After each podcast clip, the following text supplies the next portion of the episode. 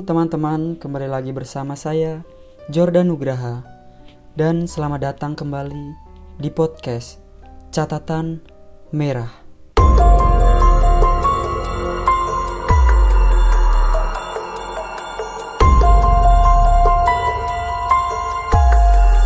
Kali ini saya akan bercerita tentang pengalaman saya melihat kepala pocong.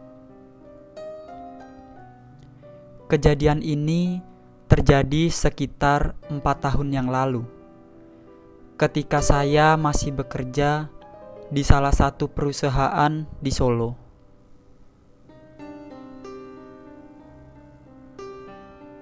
Pada waktu itu, saya lembur kerja sampai jam 7 malam. Dan saat waktunya pulang, hujan turun deras banget.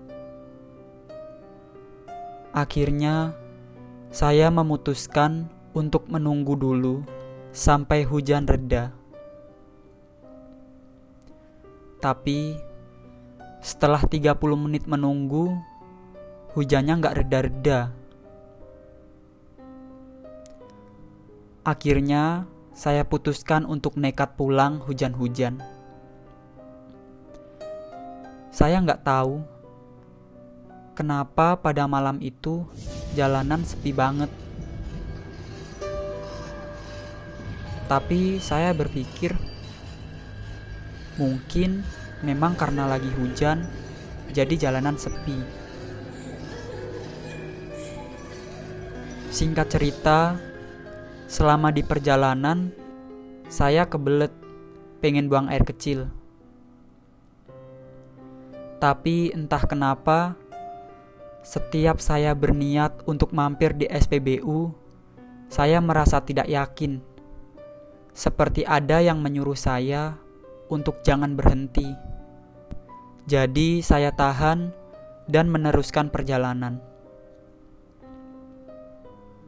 Sampai pada akhirnya, saya benar-benar sudah tidak bisa menahan untuk buang air kecil. Saya putuskan untuk berhenti di SPBU kecil, tepatnya di daerah Kartosuro. Dan kebetulan juga SPBU tersebut sepi dan tidak ada petugas yang menjaga toilet.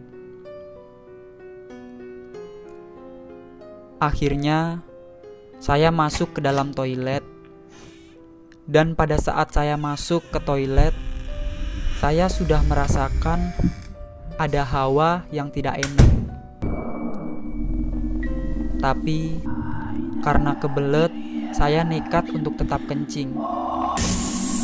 Nah, di sini saat saya lagi enak-enak kencing, saya merasa ada yang memperhatikan saya.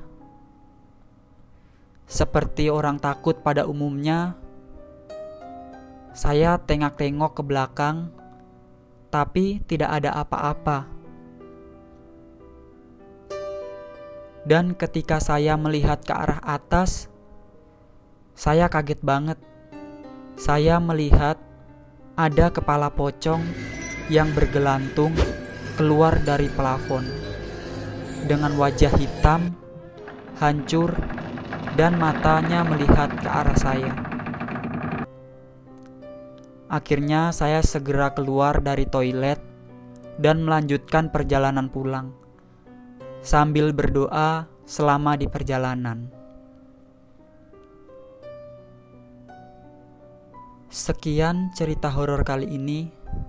Terima kasih buat teman-teman yang sudah mendengarkan podcast catatan merah ini. Jangan lupa untuk bantu share agar kalian tidak merasa horor sendirian. Dan buat kalian yang punya cerita atau pengalaman horor, kalian boleh kirim cerita kalian ke Instagram saya di @jordanugraha atau bisa melalui email ke catatanmerahku at gmail.com Terima kasih, sampai jumpa di catatan merah berikutnya.